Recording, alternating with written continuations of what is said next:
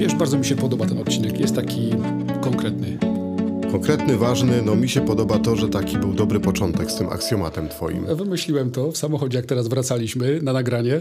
Nie, nie chcę nic mówić, ale podróże kształcą, tak? Ten odcinek będzie wyczekiwany. Jak zawsze przy takich trudnych tematach widzisz, że jestem troszkę spięty. No a temat jest naprawdę trudny. Mało tego, jest bardzo dyskutowany tak naprawdę w świecie. Może nie wprost. Może nawet sobie z tego nie zdajemy sprawy, że w ogóle w świecie cały czas toczy się taka batalia o temat, który będzie dzisiaj podjęty. To może zacznę zagadką, że ten temat bardzo mi się kojarzy z matematyką. Dlaczego? Bo mieliśmy fajnego pana od matematyki, który nauczył mnie dwie rzeczy w podstawówce. Po pierwsze, że są pewne prawdy absolutne, niezmienne, których nie da się podważyć, bo tak po prostu jest. Jest takie powiedzenie, że część jest mniejsza od całości. Tak. To się fachowo chyba nazywa aksjomat. Dokładnie, brawo. I w w matematyce wiadomo, że dwa jest mniejsze niż cztery. I tego nie da się obejść. No na tym jest zbudowana matematyka. I druga rzecz, którą ten pan nas nauczył, że z drugiej strony są takie rzeczy w świecie, bo po prostu ludzie się tak umówili. Pamiętam, jak pytaliśmy go, a dlaczego niebieski jest niebieski? To on mówił taką odpowiedź, bo ludzie się tak umówili. To jest po prostu kolor.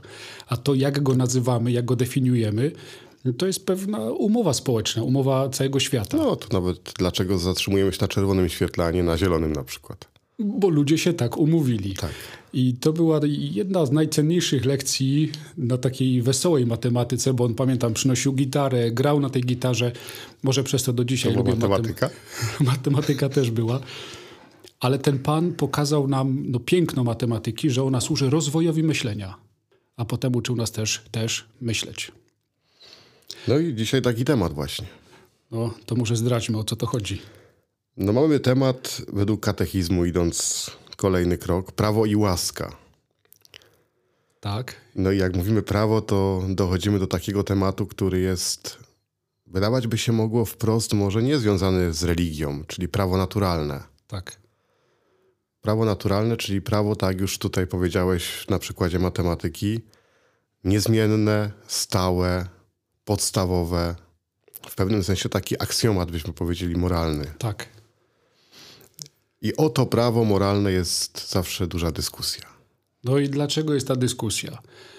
Dlaczego ludzie po prostu nie mogą przyjąć, że jest jakieś prawo w dziedzinie moralności, czyli w dziedzinie dobra i zła, które jest niepodważalne i wszędzie i zawsze tak samo powinno być respektowane?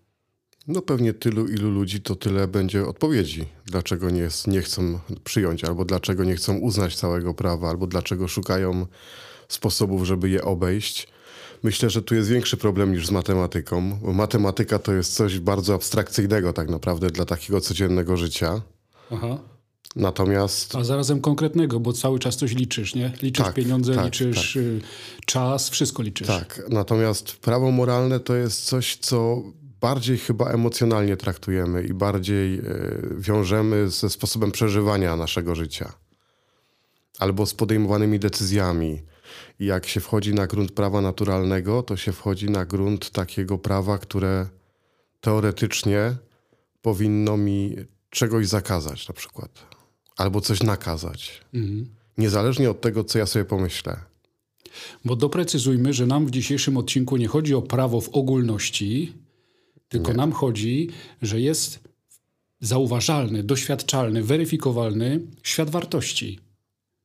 Że w ogóle jest coś, co może być dobre, jest coś, co może być złe i stwierdzamy, że jest odwieczne prawo, które te rzeczy nazywa.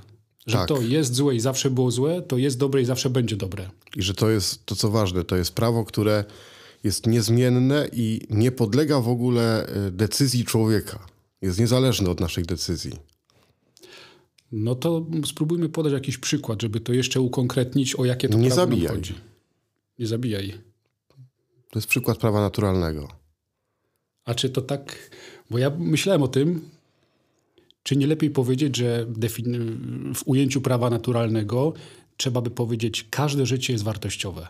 Jedno i drugie jest poprawne. Są dwa ujęcia, pozytywne i negatywne. Racja. Może tak, no nie? Można to powiedzieć, nie zabijaj nigdy nikogo, a mhm. można powiedzieć, każdy ma prawo żyć. I tu już na przykład jest problem z przyjęciem prawa naturalnego, bo co w momencie, kiedy jest kara śmierci na przykład no. w państwie? Czyli ktoś by się sprzeciwiał temu prawu, które jest odwieczne, niezmienne. A skąd w ogóle wiem, że to jest odwieczne i niezmienne? No i tu byśmy już musieli sięgnąć do katechizmu, który nas prowadzi piękną ścieżką. Czułem, że to zrobisz, no. tak. Od razu jak gdyby pokazując, że yy... no właśnie, problem jest z tym, skąd ja wiem, że w ogóle jest takie prawo. Katechizm hmm. mówi, że ono jest zawsze w sercu człowieka. A dzisiaj w czytaniu, dzisiaj jest czwartek, drugiego tygodnia Wielkiego Postu i dzisiaj w czytaniu było, że nie ma nic bardziej zdradliwszego niż serce człowieka. No i właśnie. Dlatego temat katechizmu jest prawo i łaska. My teraz trzymamy się tego członu prawo. E, czyli powiedzmy tak, idziemy na razie po stronie idealnej. Mhm. Bo katechizm też mówi o udziale rozumu w tym wszystkim. Tak, tak, tak. I teraz y, wizja, jaką pokazuje katechizm w ujęciu prawa naturalnego, jest taka, że to jest prawo, które jest w każdym człowieku i które pozwala y, dostrzegać, co jest dobre, a co jest złe. Nawet tam katechizm to porównuje do takiego światła poznania, że to jest takie światło, które mi pokazuje, że tu wybieram coś dobrego, tu wybieram coś złego. To jest bardzo podobne do sumienia, o którym też mówiliśmy. Tak, tak. Czyli istnieje prawo, a sumienie też odczytuje to prawo. I to jest jedna rzecz, taka powiedzmy, że idealna. No nie? I na razie się trzymajmy może tej idealnej strony. No. I teraz druga ważna rzecz, którą pokazuje katechizm, to to, że to prawo ma coś konkretnego na celu. Mhm. Czyż to nie jest tak, że jesteśmy wyposażeni w pewien taki zmysł dobra i zła, tak po prostu. Tylko to jest, i to tam katechizm nawet mi się bardzo spodobało, że to jest droga do szczęścia takich pozytywnych emocji doszukuje się katechizm w patrzeniu na prawo moralne, że Bóg z jednej strony daje nam taką zdolność poznawania dobra i zła, czy rozumienia dobra i zła, ale daje to po to, żeby człowiek mógł iść taką drogą szczęścia. Potem jest nawet tak pięknie pokazane w katechizmie, że z jednej strony to jest coś stałego i niezmiennego, a z drugiej strony, że y, jest to coś, co można y, w pewien sposób umiłować. To jest w ogóle bardzo ciekawe spojrzenie na prawo naturalne jako na coś, co można umiłować. I tam katechizm mówi ze względu na jak gdyby owoce tego, czy to, co daje to yy, prawo naturalne, ja mogę je nawet umiłować. Bo tak łatwo nam się teraz mówi, bo wzięliśmy od razu taką perspektywę Pana Boga i nas wierzących, ale trzeba powiedzieć, że to prawo naturalne inaczej też można to nazwać naturalne prawo moralne, tyczy się wszystkich osób, wszędzie, zawsze, na całym świecie, wierzących, niewierzących. Że to jest, ktoś podał definicję, takie prawo odnośnie dobra i zła, które jest wspólne wszystkim.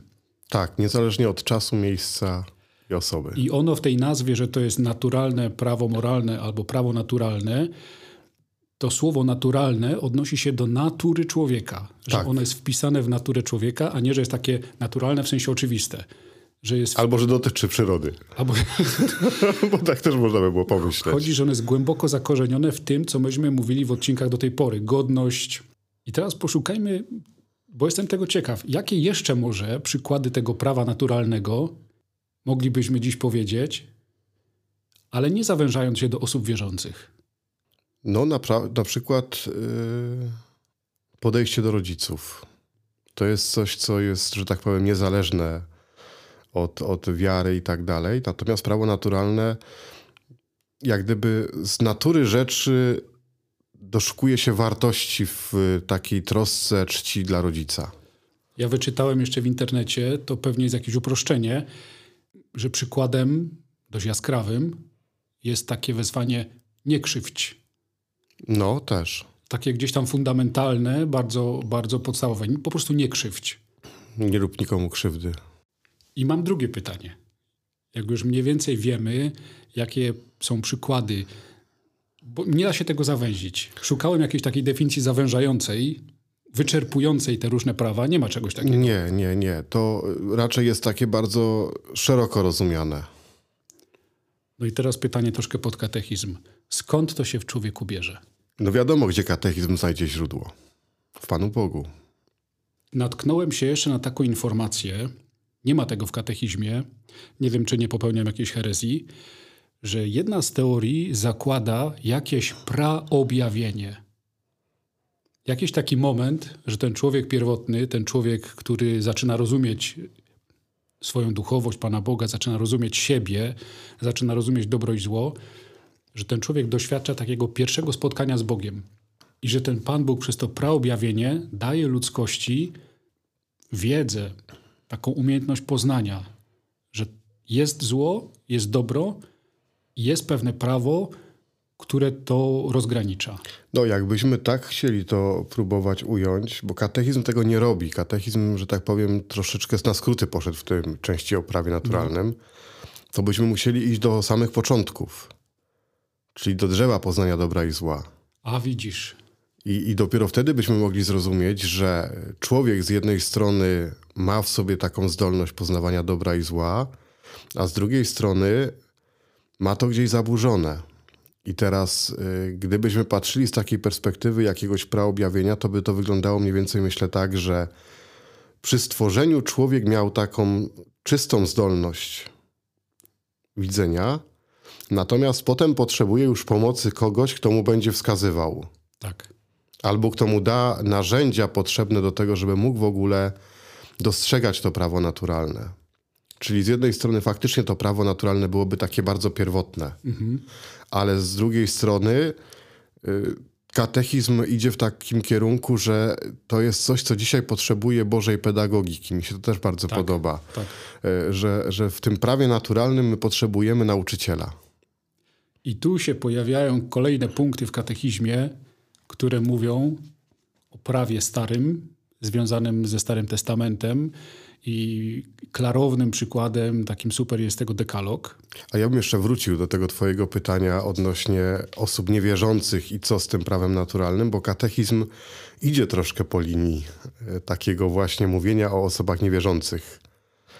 Bo jest taki moment, kiedy mówi, że prawo naturalne przez człowieka jest poznawane w sposób rozumowy, no nie? że tak. rozum jest tym, co pozwala nam widzieć dobro i zło, ale dlatego, że jest większy rozum, tak, który to tak, tak. stworzył. No nie, który nas w to wyposażył. Nie mówi tutaj, że jest Pan Bóg, tylko posługuje się takim określeniem, które rozszerza, no nie, żeby nie zawęzić tego właśnie tylko i wyłącznie do y, relacji z Panem Bogiem, ale żeby odkryć, że to jest coś, co musi być większe od człowieka, musi pochodzić nie od człowieka, tylko od kogoś innego i używa takiego określenia na, jako większy rozum. To jest bardzo ważne, co mówisz, bo istnieje ta debata w świecie, o tym wspominałeś na początku, i są takie trendy, które mówią, że nie istnieje w ogóle coś takiego jak prawo naturalne, tak. jak jakieś podstawowe określenie y, war...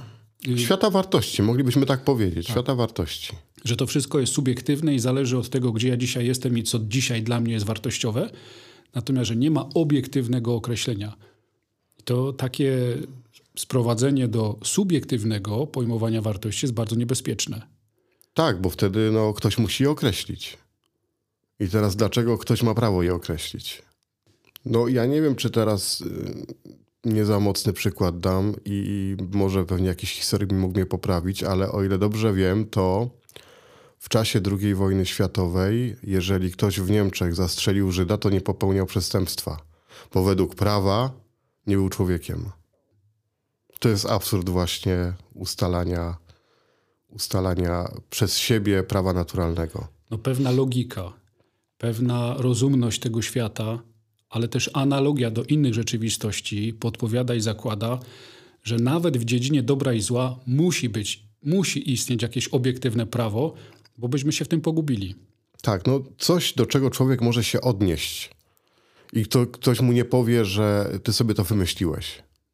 No to chodźmy do tego prawa Starego Testamentu. Tam przykładem jest dekalog. Tak, to jest właśnie takie bardzo mocne streszczenie, byśmy powiedzieli, takich najważniejszych wartości. Mi się spodobało to, co katechizm mówi, ten cytat, i to jest ze świętego Augustyna. No Augustyn się wydaje takim gościem, na którym jest zbudowany chyba katechizm. No, I myślę, nie wydaje się, nawet tak jest. Następną taką poważną książką y, to chyba będą wyznania Augustyna, które warto przeczytać zaraz po katechizmie. A zmierzam do tego cytatu odnośnie dekalogu. Bóg zapisał na tablicach prawa, czyli na, dziesięciu, na, na dwóch tablicach te dziesięć przykazań, zapisał to, czego ludzie w sercach nie doczytali. Tak, no i to jest to, co mówiliśmy, no nie? Że z jednej strony mamy coś y, w sobie, mamy to odciśnięte gdzieś tam na duszy, na sercu, a z drugiej strony potrzebujemy Boga, który nam przypomni pewne rzeczy. No i potem za katechizmem przychodzi Jezus, przychodzi nowe prawo, przychodzi Nowy Testament, a zarazem te słowa Jezusa, który mówi, że nie przyszedłem nic znieść, nic wymazać, ale wypełnić. Wypełnić, no właśnie. I to jest też takie bardzo ciekawe spojrzenie, bo tak jakby dookreślał jeszcze bardziej to, co powiedział już Pan Bóg w Starym Przymierzu. I cały czas się poruszamy w tym obszarze dobra i zła. Tak, tak, w obszarze prawa naturalnego. I przykład takiego dopełnienia dekalogu przez Jezusa. Masz jakiś? To kazanie na górze. A taki konkretny. No, jest w Piśmie Świętym wprost powiedziane gdzie Pan Jezus pokazuje, w jaki sposób dopełnia prawa naturalnego, które dał Bóg poprzez dekalog. Pomóż, pomóż. Powiedziano wam, nie będziesz zabijał, a ja wam mówię, nawet gdyby ktokolwiek. A, to to jest to skazania. Tak. Kilka tych zdań. No Powiedziano wam, a ja wam powiadam. A ja wam powiadam, no nie? I z połapu nie będziesz zabijał, czyli czegoś takiego bardzo mocnego, Pan Jezus idzie do takiego czegoś, co jest, no... Jeszcze hiper ale powiedzielibyśmy dużo takim mniejszym kalibrem. Mhm. No nie? A jednak to jest też na poziomie prawa naturalnego. Mhm. I też odnośnie przeżywania szabatu. Tak. Kiedy Jezus mówi, że nie człowiek dla szabatu, ale szabat dla człowieka. I tam była ta kwestia, czy życie ocalić w szabat? Tak. Czy tak się trzymać kurczowo litery prawa, że życie zniszczyć? Czy pozwolić na zniszczenie tego życia? No to, to jest to chyba przysłowie, nie? że nie przysłowie, tylko powiedzenie, że można się kierować literą prawa, a można się kierować duchem prawa. I mam wrażenie, no nie wrażenie, tylko pewność, że Jezus przynosi tego ducha, ducha prawa. Pokazuje coś, co jest bardzo ważne chyba dzisiaj właśnie. Znaczy myślę, że dzisiaj jest potrzebny taki Pan Jezus, który przyjdzie i w tych właśnie momentach takiej dyskusji, szarpania się o prawo naturalne, przypomni ducha tego prawa. Mhm. Przypomni, że to jest dla człowieka, bo to, to mi się tam podoba. Katechizm to bardzo mocno podkreśla, że prawo naturalne Pan Bóg dał człowiekowi dla jego dobra.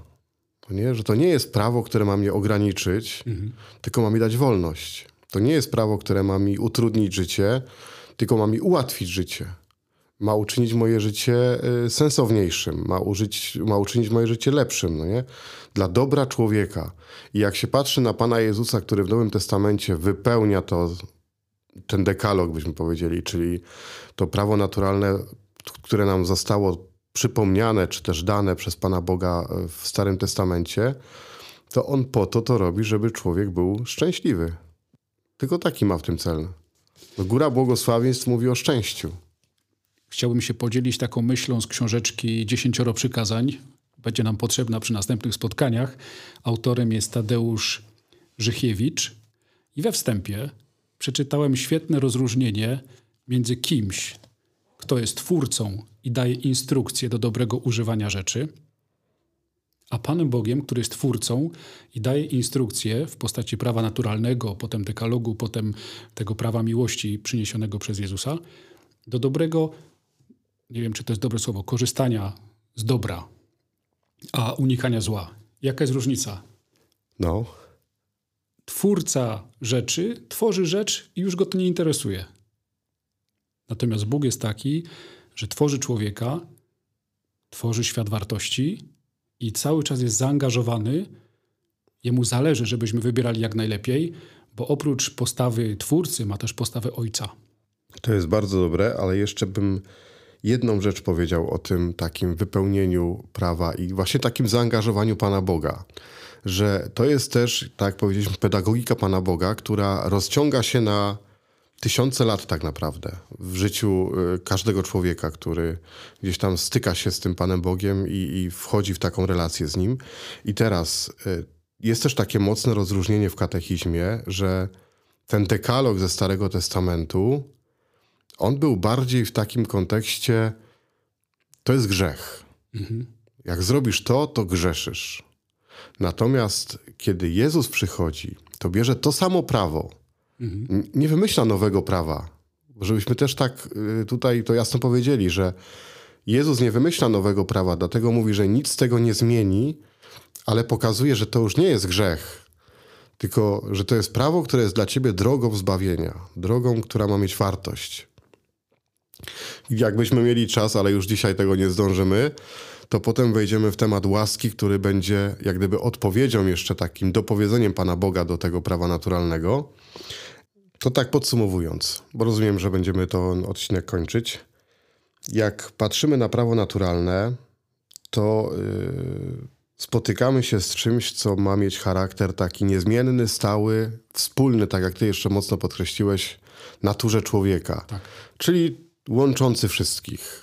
Ksiądz Marek rozumiem, że w taki tak sposób nas reklamował. tak nas reklamował, że prawo naturalne ma taki charakter, ale czytając y, zwłaszcza taką filozoficzną literaturę, można się natknąć na takie momenty w etyce czy w kwestiach prawa moralnego, że nie wszystkie ludy, czy nie wszyscy ludzie na Ziemi y, mają tak rozwiniętą kulturę, która by faktycznie tak rozumiała prawo naturalne.